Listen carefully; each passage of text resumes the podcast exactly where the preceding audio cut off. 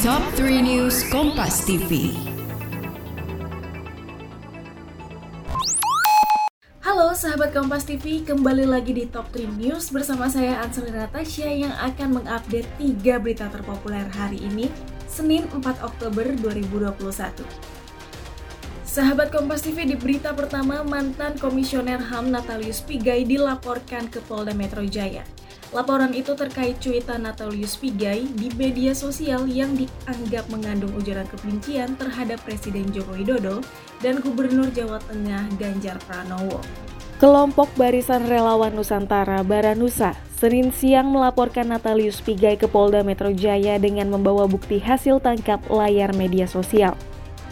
Baranusa menilai cuitan Natalius Pigai terhadap Presiden Joko Widodo dan Gubernur Jawa Tengah Ganjar Pranowo mengandung rasisme, provokasi, dan ujaran kebencian. Di berita kedua, atlet gantole asal Sumatera Barat, Kaidir Anas jatuh saat berlaga di PON ke-20 Papua hari Minggu kemarin. Video amatir warga merekam momen atlet gantole Sumatera Barat Kaidir Anas jatuh menimpa atap rumah warga. Insiden ini terjadi saat Kaidir Anas berlaga di nomor lintas alam. Setelah diselamatkan warga, Kaidir dibawa ke RSUD Jayapura untuk mendapat penanganan medis.